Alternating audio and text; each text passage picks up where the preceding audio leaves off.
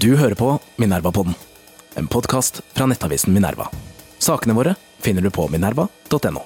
Minerva-podden er en podkast fra avisen Minerva. Det er gratis å lytte til Minerva-podden, men det er ikke gratis å lage avisen. Hvis du vil støtte Minerva, kan du tegne abonnement ved å gå inn på minerva.no abonnement, eller du kan vippse oss penger for å vise at du setter pris på podkasten, til mediehuset Minerva. Velkommen som abonnent. Velkommen til Minerva-podden. Mitt navn er Alexander Ibsen, nyhetsredaktør i Minerva.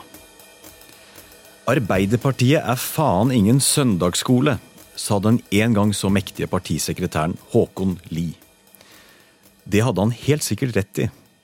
Men det var også et annet Arbeiderparti han snakket om. Et Arbeiderparti med absolutte flertall og tidvis uinnskrenket makt. I dag må vi se NRK-serien Makta for å få noen drypp av påminnelse om hvordan dette partiet en gang var. Og det er nettopp det vi skal gjøre i dagens episode, hvor vi har med historiker, forfatter og SV-politiker Hans Olav Lahlum. Han kommer rett fra sin egen boklansering av hans siste Arbeiderpartibok med tittel Torbjørn Berntsen Hva skjedde, og hva skjer? Hans Olav Lahlum, hjertelig velkommen til Minerva-podden. Takk for det. Veldig hyggelig å være her. Lahlum, eh, din samtalebok med Torbjørn Berntsen, eller Leppa fra Grorud, som han også ble kalt, tar oss egentlig gjennom perioden som må karakteriseres som en gradvis svekkelse av Arbeiderpartiet. Dette kommer du og Berntsen også inn på i boken. Eh, syns du boken gjør oss i stand til å forstå denne utviklingen i partiet, altså denne svekkelsen? Får håpe på at det er en bok som gir leserne litt ny kunnskap og innsikt i den perioden vi snakker om. Men da er det Berntsens eh, karriere som aktiv politiker var jo ganske lang. Han kom inn og møtte for første gang i Stortinget vel høsten 69. Møtte fast i Stortinget fra begynnelsen av 70-tallet.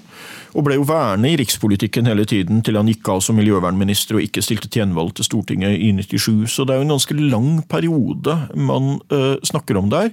Og som du er inne på, selv om det gikk rykk og napp, så var jo trenden for Arbeiderpartiet fallende gjennom denne perioden. Så kan man lage litt ulike resonnementer rundt det også, hvis du f.eks. sammenligner med hvordan gikk det med sosialdemokratiske partier i andre land. Og så vil man jo, eh, hvis man vil forsvare Arbeiderpartiet og hevde at de har holdt posisjonen ganske godt, så kan man jo si at de satt jo mye i posisjon mot slutten av den perioden eh, også. Eh, det var jo denne eh, Sluttpunktet for Torbjørn Berntsens politiske karriere er jo dette 36,9-valget i 1997, hvor Arbeiderpartiet etter ultimatumet til Jagland gikk av, selv om man ikke hadde tenkt å gjøre det. Og Den strategien, og det beskrives også godt i boken din, den var Torbjørn Berntsen uenig i. Dette å låse seg til et 36,9-tall, da innforstått regjeringen går av hvis ikke den oppnår samme resultat som sist valg. Ja, øh, han sier det, kanskje det er litt klarere i ettertid enn det fremsto eh, den gang, men han hadde jo vært en pådriver for at Jagland skulle bli partileder i 92, og dermed statsminister etter Gro. Så han bar jo et medansvar for den situasjonen som oppsto øh, der. Men øh, han, var, han er han er kritisk til eh, Jagland på det punktet. Han har et vil jeg si, litt nyansert bilde av Jagland, med en del positive ting og en del ganske kritiske ting. Og det der er en av de kritiske tingene. Og Så fremkommer det også i boken at Tor Berntsen jo for så vidt var skuffet over det. Han hadde vært miljøvernminister i sju år, og er den lengst sittende miljøvernministeren i norgeshistorien. Men han hadde ambisjoner om å sitte videre. Det var flere saker han gjerne ville jobbet videre med, så han var både skuffet over at det ble en avgang for regjeringen høsten 97, og han håpet eh, i 2000, da Stoltenberg eh, tok Arbeiderpartiet tilbake til regjeringskontorene, så håpet han også å få en telefon med et spørsmål om å bli miljøvernminister igjen.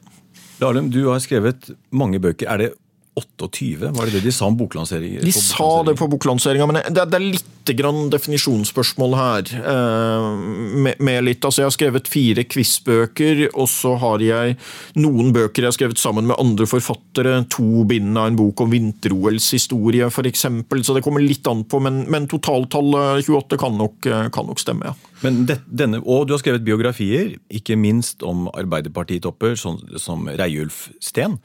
Eh, men denne boken her er spesiell. Du har aldri skrevet en sånn hybridbok før, som er en blanding av biografi og samtalebok. Er det en riktig måte å beskrive boken med Berntsen?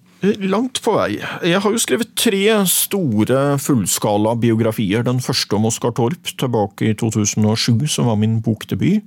Så skrev jeg om Håkon Lie i 2009 og om Raul Steen i 2019.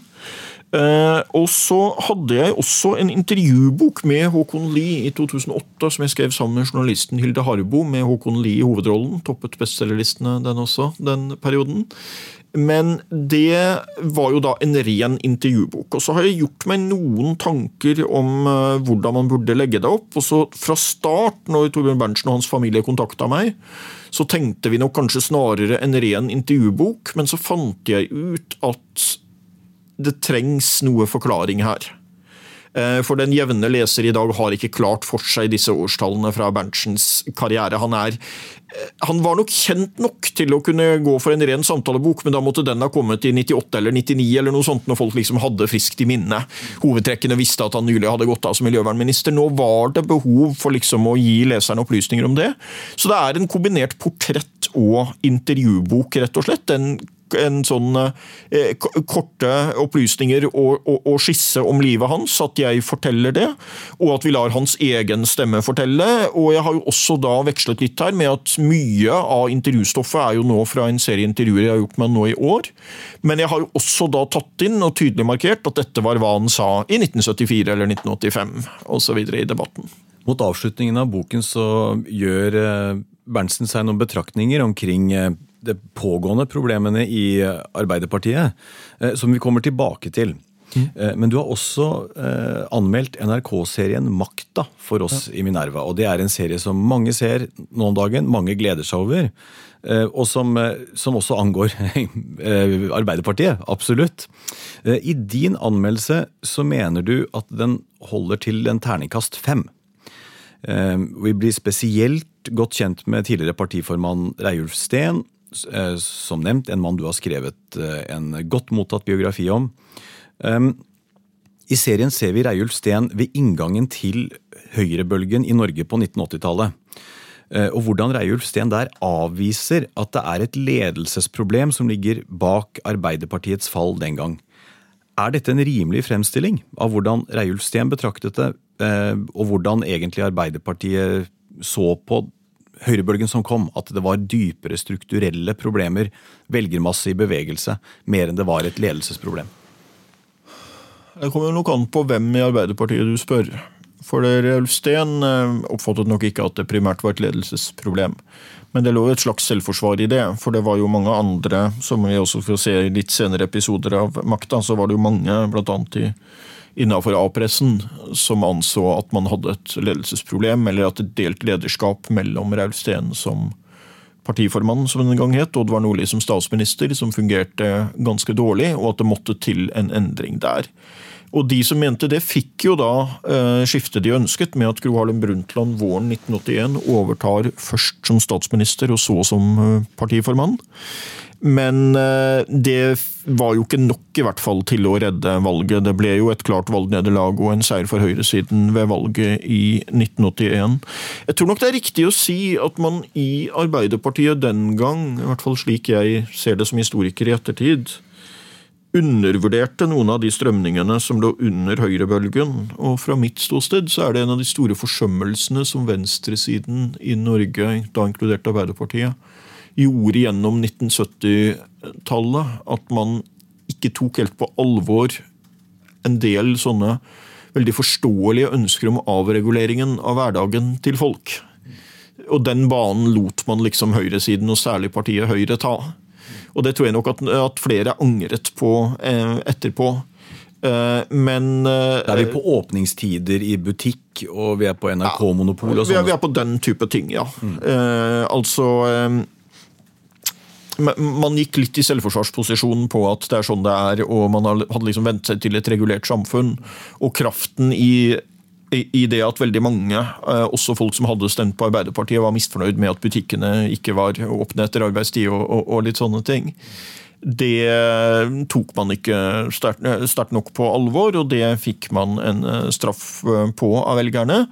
Og så tapte man dermed også noen viktigere slag som det var mindre klart at velgerne ønsket, men som høyresiden da også kunne gjennomføre. Bolig, boligmarkedet? For eksempel, ja. Som jeg tror det var langt mer delte meninger om. og ja, Det gjaldt en del andre ting også. Men eh, var jo også, det var jo et internasjonalt fenomen med høyrebølgen. Så det gjaldt jo også for de sosialdemokratiske partiene i flere land at man liksom ikke fanget opp de strømningene der i tide. da. Det er jo Reagan og Thatcher, eh, ikke minst, som, som ledet an i en sånn internasjonal eh, høyrebølge. Og Interessant så er det jo hvordan Høyre i ettertid har kunnet peke på det som et eh, slags likestillingstiltak og, og avregulere åpningstider i butikk, fordi at da kunne også husmødre jobbe. De ville rekke innom butikken på vei hjem. Ja, Norge var jo et veldig mannsdominert samfunn, og arbeiderbevegelsen i Norge hadde også for lenge, sett fra ettertiden, det snakker også Turen Berntsen litt om i denne boken, eh, konservative, verdikonservative trekk, eller hva du vil kalle det. Man la liksom veldig lenge til grunn at det var eh, en familie hvor det var mannen som var forsørger, og kona var hjemme. og Det tok man ikke i tide innover seg. Det var litt forskjell i arbeiderbevegelsen der også. F.eks. Einar Gerhardsen var aldri, med sine mange fremganger ellers, var aldri han noen stor pådriver for å få flere kvinner ut i arbeidslivet. Derimot Trygve Bratteli, som kom etter han, var nok mer på det sporet. At vi må sørge for at også unge kvinner får ta utdannelse og kommer seg ut i arbeidslivet. Men man tok liksom ikke helt konsekvensen av det. og det er klart at det var jo også en situasjon hvor man i deler av fagbevegelsen eh, selvfølgelig var opptatt av arbeidernes rettigheter oppi dette. Det var elementer her, f.eks. så hadde Lørdagsfri hadde jo de fleste arbeidstakerne da eh, fått på det tidspunktet. Eh, man hadde jo fått egentlig en ganske tverrpolitisk eh, eh, samarbeid om å, om, å, kutte arbeidsuka, og at veldig mange arbeidstakere hadde fått helgefri. Kunne ta fri på fredag og ha helga fri og dra på hytta, eller hva man ville gjøre. Det var veldig mange innenfor butikknæringa som ikke opplevde å ha det på samme måte, fordi man da måtte jobbe typisk på lørdager og sånt. Så det er klart at det var en dragkamp hvor det er veldig forståelig at noen yrkesgrupper gikk i en uh, forsvarsposisjon på det.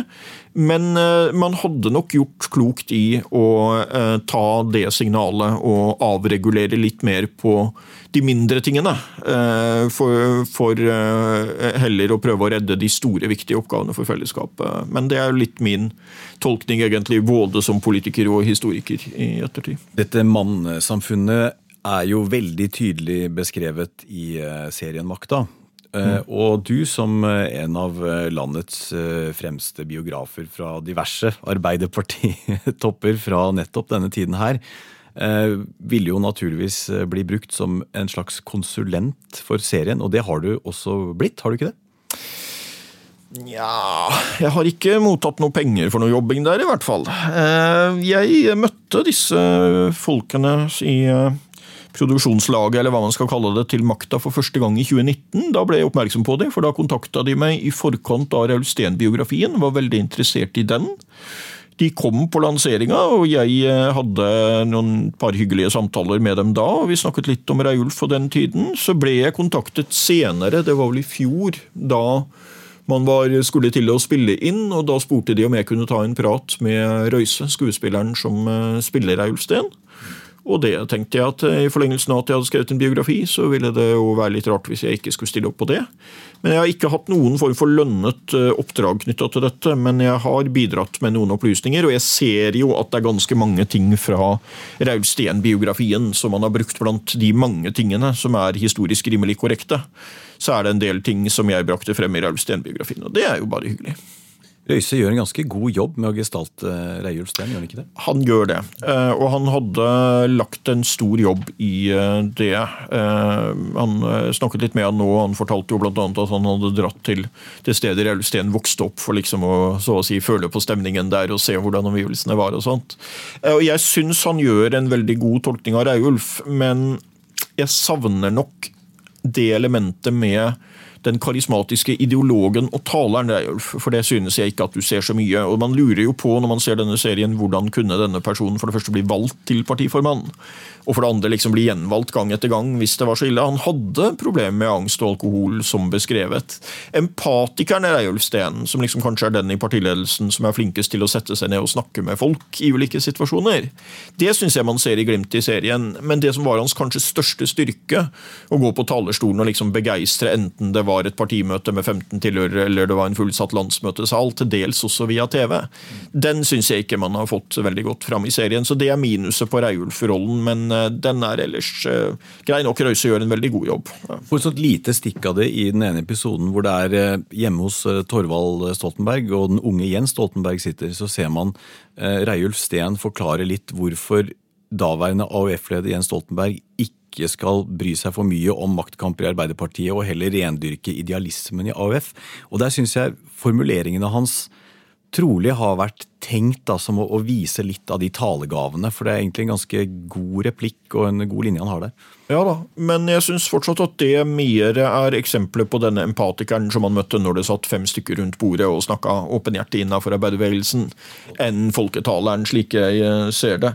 Men uh, han hadde veldig mange sånne gode illustrerende. Han, han eh, Bitte lite eksempel var jo at han uh, bemerket jo også når han ble spurt om ideologien og ideologienes plass i dag. Og Så sa han at du kan sammenligne litt med stjernene som sjøfolkene styrte etter for noen generasjoner siden.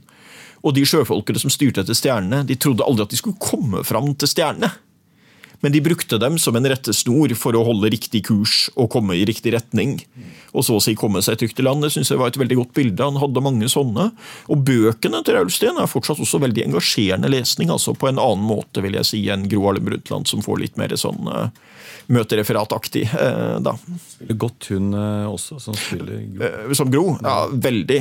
og det syns jeg alt i alt er den beste. Den uh, rolletolkningen hennes syns jeg står til solid uh, terningkast seks gjennom seks episoder. Jeg syns det er mye bra. Jeg syns Bjartmar Gjerde er bra. Jeg syns at Oddvar Nordli synes han egentlig spiller godt den rollen han har fått tildelt, men jeg har noen kritiske merknader som jeg skrev i anmeldelsen for dere på hvordan man har tilskjært den rollen. At i første del så virker Oddvar Nordli mer passiv handlingslamma enn det han på det tidspunkt var. På slutt slutten av serien i sånn 80-81 så var han jo kanskje mer sånn passiv eh, handlingslamma.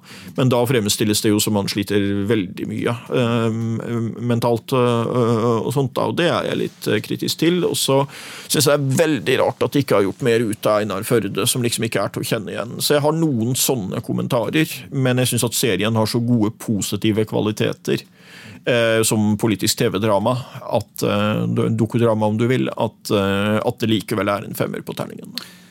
To som ikke har vært like begeistret for eh, serien, er Mimir Kristiansson og Magnus Marsdal, som eh, går gjennom den i sin podkast. Da er det særlig én ting de reagerer på, og det er, eh, det er vel da Trygve Bratteli som første gang utnevner Gro Harlem Brundtland til eh, det er miljøvernminister, og sier at eh, hun ikke kan bli helseminister fordi at hun er lege, og man unngår eh, fagfolk. Så poenget her er vel å få frem at det var en viss akademikerforakt i Arbeiderpartiet på denne tiden. Er det, Stemmer det? Altså På 70-tallet var det en akademikerforakt da? Arbeiderbevegelsen i Norge har historisk hatt et ambivalent forhold til akademikerne. En av de som ikke ligner så mye i eh, serien, eh, Tor Aspengren, som jo da var en mektig LO-formann i første del av denne perioden. Han satt ikke så lenge som man kan få inntrykk av i serien, men, men han var jo på, på, på midten av 70-tallet veldig mektig. Jeg husker at jeg intervjuet eh, Tor Aspengren om dette mot slutten av livet hans, og da sa han at når han så tilbake på sine litt yngre år, så sa han at akademikerne det var de vi ikke likte, men som vi hadde forstått at vi trengte. Og det lå noe der at man erkjente fra Arbeiderpartiets side at hvis man skal styre landet på en god måte, så er man blitt avhengig av å skaffe seg folk som har en ekspertkompetanse og har høyere utdanning. Men man hadde litt blandede følelser uh, til det. Uh, at det var uh, blitt sånn. Man skulle på en måte ønske litt at det var annerledes. Og man var bekymra, som mange var, for at det liksom skulle bli akademikerne som ikke bare var bevegelsens tjenere, men at de liksom tok over arbeiderbevegelsen. Men jeg, jeg synes det, det, er litt misforstått, som du nå refererer det på det der. fordi man var ikke redd for på den måten å ha dyktige fagfolk i regjeringen. Det var et betydelig innslag av akademikere allerede under Gerhardsen og definitivt under Bratteli i regjeringen. Men man var litt redd for å få Eh, statsråder som var for nært knytta opp til det området de hadde jobba med tidligere. Og det finnes det flere eksempler på at man prøvde å unngå. F.eks. når man skulle utnevne en ny forsvarsminister, så prøvde man å finne en som ikke hadde bånd til la oss si, forsvarsindustrien eller hadde jobba i Forsvaret, eller noe lignende, for man tenkte at her er det viktigere at det er en som kan se helheten i det, ikke er bundet opp til bestemte grupper osv. Så, videre. så det kan godt være at det ble sagt et eller annet sånt, men jeg tror også det var rent praktiske ting egentlig med den regjeringskabalen der. Det er jo alltid en kabal da, å få det til å gå opp. Eh, det var jo et dødsfall fra en kvinnelig statsråd som liksom utløste denne endringen. og da var det sånn at Hvis vi ikke skal gå ned på kvinnerepresentasjonen, så må vi ha inn en kvinne. Og så hadde man en annen god kandidat til å, eh, eh, til, til å ha ansvar for helse- og sosiale spørsmål. Og da, og, og da ble det sånn, ja. I, Torbjørn Berntsen i boken din han viser jo litt til Det blir kanskje ikke helt det samme, men han snakker om tykke bunker med sakspapirer. Mm. og at man trenger jo ikke å lese alt det der, du må bare se til politikken, egentlig. Finn ut hva som er politikken i det, og så kan du se bort fra de rett sånn, eh, kall det faglige detaljene. da. Og Det er kanskje noe av det samme. Det der var egentlig, det var ikke Torbjørn selv som sa det i boka, det var egentlig Jens Stoltenberg, som da var statssekretær for Torbjørn det første året han var miljøvernminister, som på en måte oppsummerte lærdommen fra samarbeidet med Torbjørn på den måten. At, eh, men Torbjørn har ikke benekta det. Eh, og det stemmer nok. Han og Gro var jo to veldig ulike typer politikere, altså Torbjørn Berntsen og Gro. Fordi Gros store styrke var jo på sett og vis arbeid arbeidskapasiteten, evne å sette seg inn i mange sakspapirer på kort tid eh, osv. Torbjørn var jo mer et sånn rendyrka politisk dyr som liksom tenkte ok, hvor ligger den politiske dynamitten her? på en måte. Så jeg tror nok at de to var, eh, selv om de etter hvert fikk et godt samarbeid, så var nok inngangen deres eh, sånn sett veldig ulikt. Det der er jo en utfordring som jeg tror mange politikere kjenner litt på i vår tid. og det er klart at Satt på spissen er du statsråd i dag, så kan du jo risikere risikere å måtte gå i Dagsnytt 18 to dager etter hverandre og debattere mot to ulike professorer fra to ulike deler av det, eh, det, det området du er satt til å bestyre. Og Det er klart det er et veldig ekspertvelde man eh, sånn sett møter, og det er nok et hjertesukk eh, fra en del det. Jeg husker at jeg intervjuet sønnen til en av de ledende arbeiderpartipolitikerne fra mellomkrigstiden. Og han sa det vi er nå for ja, det var ti, vel ti år siden jeg intervjuet han, og så sa han det at uh, faren min sa han kunne nok ikke vært toppolitiker i dag. Fordi han ville ikke hatt så god evne til det der å liksom skulle diskutere med alle disse fagfolkene og, og, veie ting der og lese alle disse dokumentene. og alt, Det ville han ikke klart. Det var mer overordna. Det var liksom essensen på det politiske og litt det ideologiske som gjaldt på, på hans tid. Eh, og Det er klart det er blitt eh, sånn sett nesten uunngåelig med samfunnsutviklinga. Så er det blitt veldig mange, et stort embetsverk, veldig mye dyktige folk, men embetsverket er stort og tungt. Og, og, sånn, og jeg tror mange politikere opplever det. Jeg må selv si at eh, ja, Hvis jeg skal nevne et lite eksempel, så er det klart den der elektrifisering av sokkelen-diskusjonen. Den er ikke lett å ta for folk som ikke er veldig gode på de tekniske tingene her. altså. Du skjønner at det blir dyrere strøm, da? Ja, men altså, det står professorer på den ene sida og sier liksom at det og det må vi gjøre av hensyn til miljøet, og så står det professor på den andre sida og sier at bør, vi må gjøre det motsatte av hensyn til miljøet. og Så blir du stående litt sånn og, altså, Én ting er jo hvis du får entydige faglige råd, på en måte, og så har du prioriteringer knytta til det. Det er typisk. altså At du har eh, legene sier at vi trenger så og så mye til det og det med helsetilbudet, og så får politikerne en krevende oppgave med å finne ressurser til det, gjøre avveininger mellom gode formål. Men når du i tillegg får sånne situasjoner hvor det betyr det uenighet mellom fagfolk eh, opp på ganske høyt nivå, så er det krevende. altså.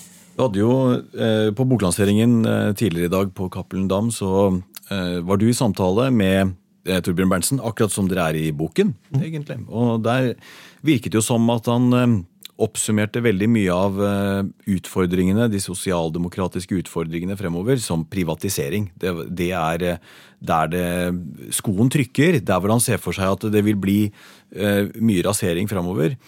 Eh, han har også andre betraktninger i boken som, eh, som, du tar opp, som er absolutt interessante. Og Den ene er at Ap i dag har et ledelsesproblem. At Trond Giske nå burde anses å ha sonet ferdig sin straff. Og at Støre burde innlemmet Raymond Johansen i regjering. Han mener også at eh, Høyre snek seg til valgseieren i høst ved bevisst å holde tilbake informasjon om eh, Sindre Finnes aksjehandler. Er det mulig å få deg til å kommentere på noen av disse her? Det er sikkert flere betraktninger der òg, Ja, men det er i hvert fall de jeg noterte. Dette er jo synspunkter som står for eh, hans Det er jo hans vurdering av situasjonen og hans oppfatning av det. Jeg har jo i noen tilfeller, bl.a. knytta til ting rundt valget av Jagland som partileder i 92, så har jeg jo liksom grepet litt inn og problematisert og sagt at her må leseren også være klar over at det er andre versjoner. I noen tilfeller av det her så er det jo en politisk uenighet som ligger der. Nå var det vel eh, han var jo ikke den eneste som var inne på det sporet med om opplysninger hadde blitt holdt tilbake etter valget av eh, strategiske årsaker osv. Man fikk jo en debatt om det, og det var folk i pressen som hadde visst det og, så videre, og ikke lagt det frem. Så det får vi nå se hvor vi ender opp med eh, den eh, saken. Eh, men det er klart det var veldig uh, frustrerende. Nå endte det jo opp med at de borgerlige egentlig overtok alle de store byene, og i flere tilfeller à la Oslo med ganske liten margin. Så det er klart når en sånn sak Du fikk Huitfeldt-saken, som kom eh, på en måte fullt fram i valgkampen, og som vanskelig å si hvor mye det kosta Arbeiderpartiet, men det var jo selvsagt ikke en positiv sak. Og så fikk du den saken med Erna Solberg og ektemannen, som liksom kom litt sånn gradvis, begynte å komme frem før valget, men egentlig slo ut for fullt etterpå. Så det er klart det var i hvert fall en veldig frustrerende situasjon for mange i Arbeiderpartiet på den siden at det ble slik det ble. Så tror ikke jeg noe på konspirasjonsteorier om at det f.eks. var folk i media som eh, visste det, men bevisst valgte å holde det igjen. Men det er jo noen spørsmål å stille rundt når informasjonen eh, kom frem og, eh, og, og, og sånt på det. Han har et nyansert bilde Tore Berntsen, altså, av eh, Gahr Støre. Sier også en del positive ting om ting han har gjort som statsminister. Men han er jo kritisk til den utviklingen man har tatt, og at han i noen grad oppfatter at Gahr Støre liksom mangler den bakgrunnen fra bevegelsen og dette. da. Han er jo opptatt av arbeiderbevegelsens eh, sjel og, og, og, og- sånt. Og det er klart Han er jo selv en av de siste fra den industriarbeiderklassen som hadde vært industriarbeidere. Så det er klart det er jo noe man eh, til, dels føler på. En- Altså har han jo gjennomgående den oppfatninga at hvis du har gjort noe galt og på en måte svikta tilliten, så er vel en kort oppsummering av Torbjørn Berntsens oppfatning at da må du gå av, men det er ikke dermed gitt at du er utestengt på livstid. Og Så kan man diskutere hva som er en rimelig periode. Han sier jo noe av det samme om Hadia Tajik også. At eh, du må stå over noen kamper når du har gjort noe sånt, men det er ikke samtidig gitt at det skal være en livstidsdom, da. Eh, Så det er det vel, men, eh, men, men, eh, men han, har jo også en del positive ting å si. Han er jo relativt positiv til nestlederne, da, som han synes begge har et betydelig potensial. Han har mye positivt å si om fagbevegelsen, så det er jo et nyansert bilde. Men selvfølgelig er det jo en frustrasjon som veldig mange eh, i Arbeiderpartiet har, også blant veteranene, at man nå har opplevd at Høyre ble større enn Arbeiderpartiet og overtok flertallet i nesten alle de store byene. Større for første gang på 99 år. Og det er Ja. klart, det, det er jo en milepæl. Det hadde aldri skjedd før i Torbjørn Berntsens liv at Høyre var større enn Arbeiderpartiet ved et nasjonalt valg. er jo en type som Det fikk man også inntrykk av under samtalen deres på eh, boklanseringen i dag. Eh, frisk i språket og slipper liksom unna med det, som kan være litt befriende. Og det gjenforteller også i eh, boken, eh, siden var, du var innom eh, Anniken Huitfeldt, at eh, det er jo han som omtalte om henne at man skulle være sitat, 'jævlig full' for å danse med henne. Eh, og siden så beskriver han at det kunne de skvære opp, og han fikk verdens lengste klem av eh, Anniken Huitfeldt. eh, Så han slapp unna. Ja, Det var jo en diskusjon om, om det, om eh, ordlyden der og hva han faktisk hadde ment. Han, han hevdet jo den gang også at det han hadde ment å si, var at hvis man oppførte seg sånn og liksom tvang seg til å danse med henne, så måtte man eh, være kraftig, eh, kraftig påvirka. Men eh, det var jo litt ulike hvordan det ble oppfatta, og akkurat ordlyden på det. og sånt. Eh, Forresten, før jeg glemte det, Raymond Johansen, det bør vi opplyse om. Raymond Johansen, avgått eh, byrådsleder i Oslo, er jo altså da nevøen til Torbjørn Berntsen. Det er ikke så Eh, rart det, at han så det fremgår jo tydelig i boken også. sånn at Ja. eh, det er klart at eh, De to har jo vært veldig godt på bølgelengde, og han har vært veldig fornøyd med hva han synes Raymond har utrettet i Oslo. Og så vil det selvfølgelig være delte meninger om det der. Jeg kan jo si litt grann for egen del der, kanskje, at jeg hører mange som sier at Raymond Johansen øh, godt kunne fått en fremtredende post i regjeringa, og også noen som har nevnt at han til og med kunne vært en mulig statsminister. Det er klart det er noen utfordringer ved å skulle ta det spranget når du er oppe i 60-årene og, og, og, og fra Oslo, selvfølgelig. Eh, Men jeg syns også det er litt oppsiktsvekkende at det, det, det er veldig mye folk i Oslo som sier det. Hvis du drar utover i landet, så er det kanskje har man ikke det forholdet til Raymond Johansen som det mange har i Oslo. Og så kan du argumentere for eller mot da, om eh, det å være Oslos mest populære politiker, som jeg syns valgresultatet på mange måter viste at han er. Han hadde jo veldig sterk personlig popularitet oppi det hele. Du kan jo godt argumentere for at da kvalifiserer det for en plass i regjeringen, men der vet vi jo alle sammen at der er det jo mange kabalhensyn å ta, da. Eh, og det var nå eh, slik det ble. Den balansen med antall Oslo-folk, og særlig godt voksne menn fra Oslo i regjeringen, har vel vært der for nesten alle regjeringer de siste 50 åra, tror jeg. For ikke å si 70. Ja. Som om det ikke var eh, nok obduksjoner av Arbeiderpartiets fall om dagen, så har eh, nå Trond Giske kommet med en ny bok, hvor han snakker om eh, tapet av såkalte nærvelgere. Det tror jeg er hans begrep. Mm. Og han beskriver disse da i Arbeiderpartiets kontekst som de er i stor grad ufaglærte folk med fagbrev eller kortere høyskoleutdanning med lav eller middels inntekt. Og dette er en gruppe Arbeiderpartiet historisk har stått sterkt i. Er det noe av det samme her Gisp presenterer som eh, Berntsens eh, eh, diagnostikk av eh, problemene? Ja, det er noe av det samme der. Altså uroen for at man har mista eh, litt av sjelen og det som var Arbeiderpartiets ryggrad, på sett og vis. Altså denne støtten blant eh, i anførselstegn alminnelige arbeidstakere, folk som typisk jobba i industrien eller lignende. Da, eh, det der er jo en gruppe hvor man har fått en ny konkurrent, hvor Frp til dels har hatt en eh, betydelig appell til deler av den gruppa, og kanskje nådd frem til de, en del av de som Høyre ikke nådde frem til. Det har vi hatt i lang tid, er det ikke det? Ja, altså En del av de ja. som i valget mellom Høyre og Arbeiderpartiet valgte Arbeiderpartiet, endte opp med å stemme på Fremskrittspartiet, på en måte, og det er en trend man har sett over en viss tid. Og selvfølgelig eh, en utfordring for Arbeiderpartiet at man ikke har nådd godt nok fram til den gruppa. For det er klart, hvis du går historisk tilbake, si 50-60-70 år tilbake, så var jo det en gruppe som lå Arbeiderpartiet veldig nær. Så har Arbeiderpartiet endra litt profil på veien, og det vil tilhengerne si at uh, av det skiftet vil jo si at det måtte man jo gjøre. Man måtte jo utvide appellen, man måtte jo nå ut til funksjonærene, man måtte jo nå ut til selvstendig næringsdrivende. Altså Man måtte utvide appellen etter hvert som den gamle industriarbeiderklassen ble en mindre og mindre del av, uh, av velgerne. Du kan ikke lenger vinne valg på liksom, appell til industriarbeiderklassen, du må nå bredere enn det. Men selvfølgelig er det et uh, tankekors for Arbeiderpartiet at man har mista de, og kanskje særlig at man har mista en del av de velgerne du nevner der, til Frp.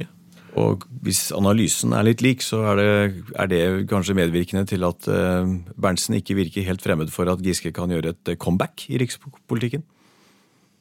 Altså Politisk sett så er det klart at de tilhørte jo på mange måter samme delen av partiet. Da. Giske var jo også Torbjørn Berntsen hadde en relativt stabil posisjon vil jeg si, over lang tid. Det er jo en del politikere som beveger seg litt frem og tilbake. Det var vel en tidligere fransk statsminister som ble kritisert for å være en eh, politisk værhane. Da sa han må huske på at det er ikke værhanen som snur seg, det er vinden. Eh, Torbjørn Berntsen eh, sto jo på venstrefløyen i Arbeiderpartiet gjennom hele sin politiske karriere. Og så var han i tillegg eh, småradikal på det med miljø, og det ble tydeligere egentlig i tiden han var miljøvernminister, og henger eh, fortsatt litt i. Så han var litt, både litt rød og, og, og, grønn radikal. Giske skal man jo regne over til venstrefløyen i partiet eh, historisk. De har også vært uenige om en del ting. Giske var jo f.eks. da nei-mann opp mot EU. Eh, e Der jo, hadde jo Torbjørn Berntsen gått fra nei i 72 til ja i 94, og tilhørte den gruppa som hadde gjort det. Men, eh, Men venstresiden da ikke i den moderne venstresiden som eh, vi kan kalle litt woke, med, med eh, antirasisme og radikal kjønnsteori. Det er jo ikke den venstresiden Giske tilhører. Nei, Det vil jeg ikke heller si, men uh, Giske har jo vært regna over til venstrefløyen i, i, Arbeiderpartiet historisk. Med EU-motstand? Ja, ja, blant annet. Mm. Og så er det et annet spørsmål om man har lagt for stor vekt på det med EU når man har definert høyre-venstreside i Arbeiderpartiet. Mm. Det kan man også diskutere, men han har jo hatt en appell over på venstresiden i partiet. Så politisk sett så er det nok, uh, hvis man snakker om å dreie hovedkursen, så er det nok noen ting man vil dreie i, i uh, samme retning der. Og så sier jo Torbjørn Berntsen rett og slett at han oppfatter jo Giske som et politisk talent, en som liksom kunne begeistre litt, da. Eh, noen likheter. Sten hadde også litt sans for Trond Giske, eh, i hvert fall en stund. Eh, Og det er vel noe av det samme man ser der, at man tenker at vi vil gjerne vri litt mot venstre, og vi eh, ønsker noen som liksom kan begeistre sånn.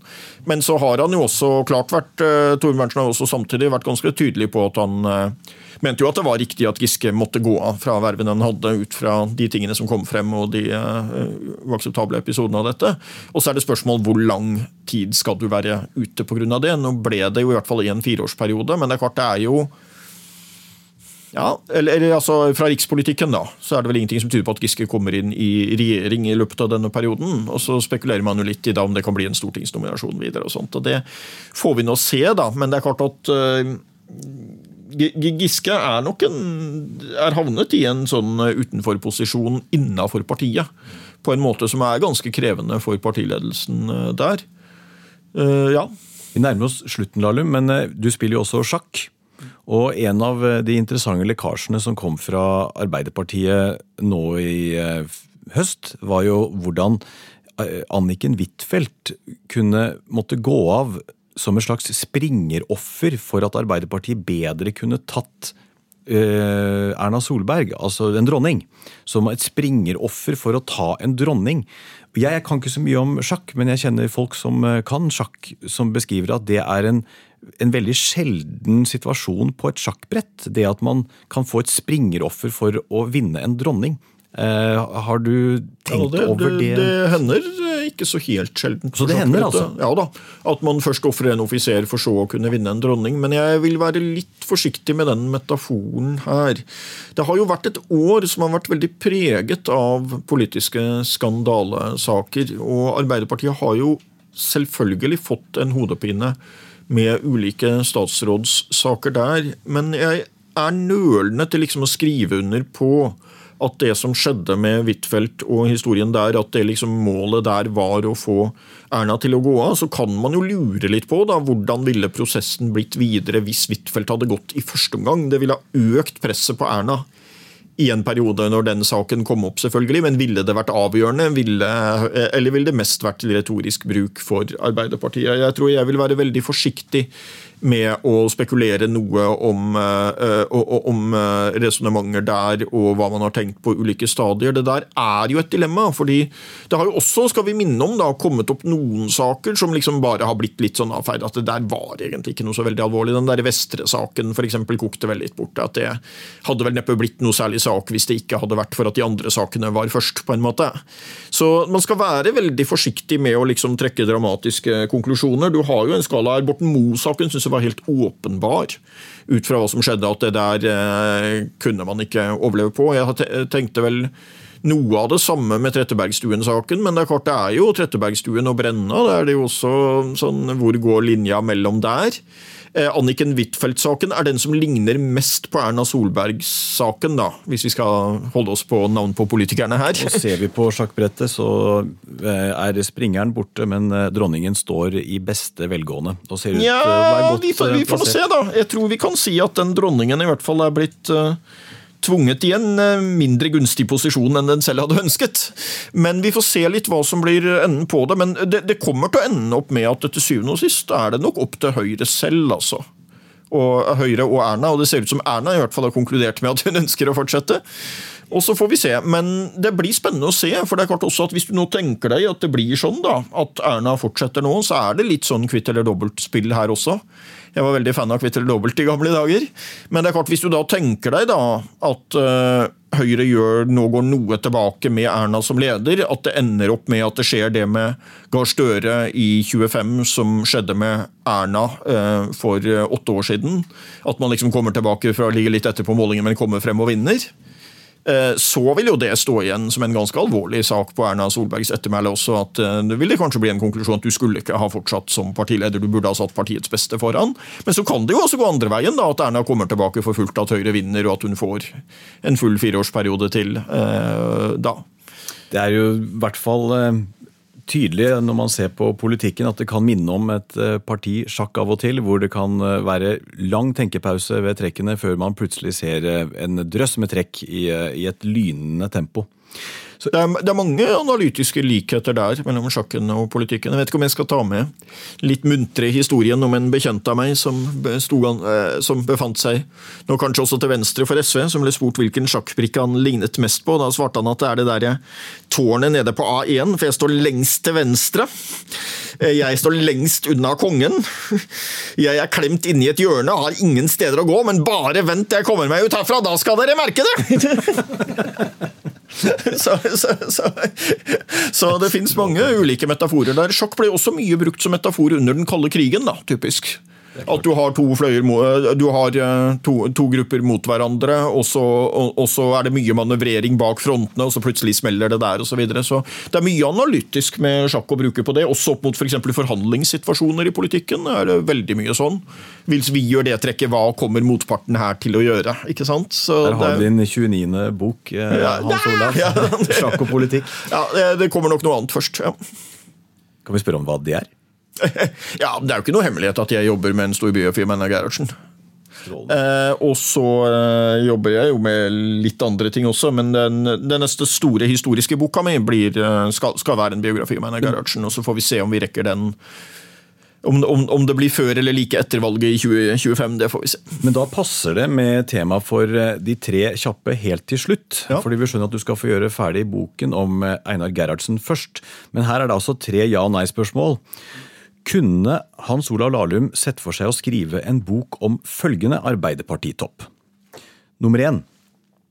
Tidligere statssekretær i Havrettssekretariatet, Arne Treholt. Ja, en definisjon av Ap-topp her, da. Nei, det er skrevet mye om Treholt, eh, og jeg tenker at eh, for å skrive den boka, så bør du på en måte være litt jurist og litt ekspert på inn på sånn etterretning og, og, og, den type problematikk. og Det er noe litt annet enn de mer politiske bøkene jeg har drevet med. Så det er ikke noe jeg på noe tidspunkt har vurdert, og heller ikke noe jeg ser for meg at jeg kommer til å gjøre. Noterer et nei på den. Nummer to.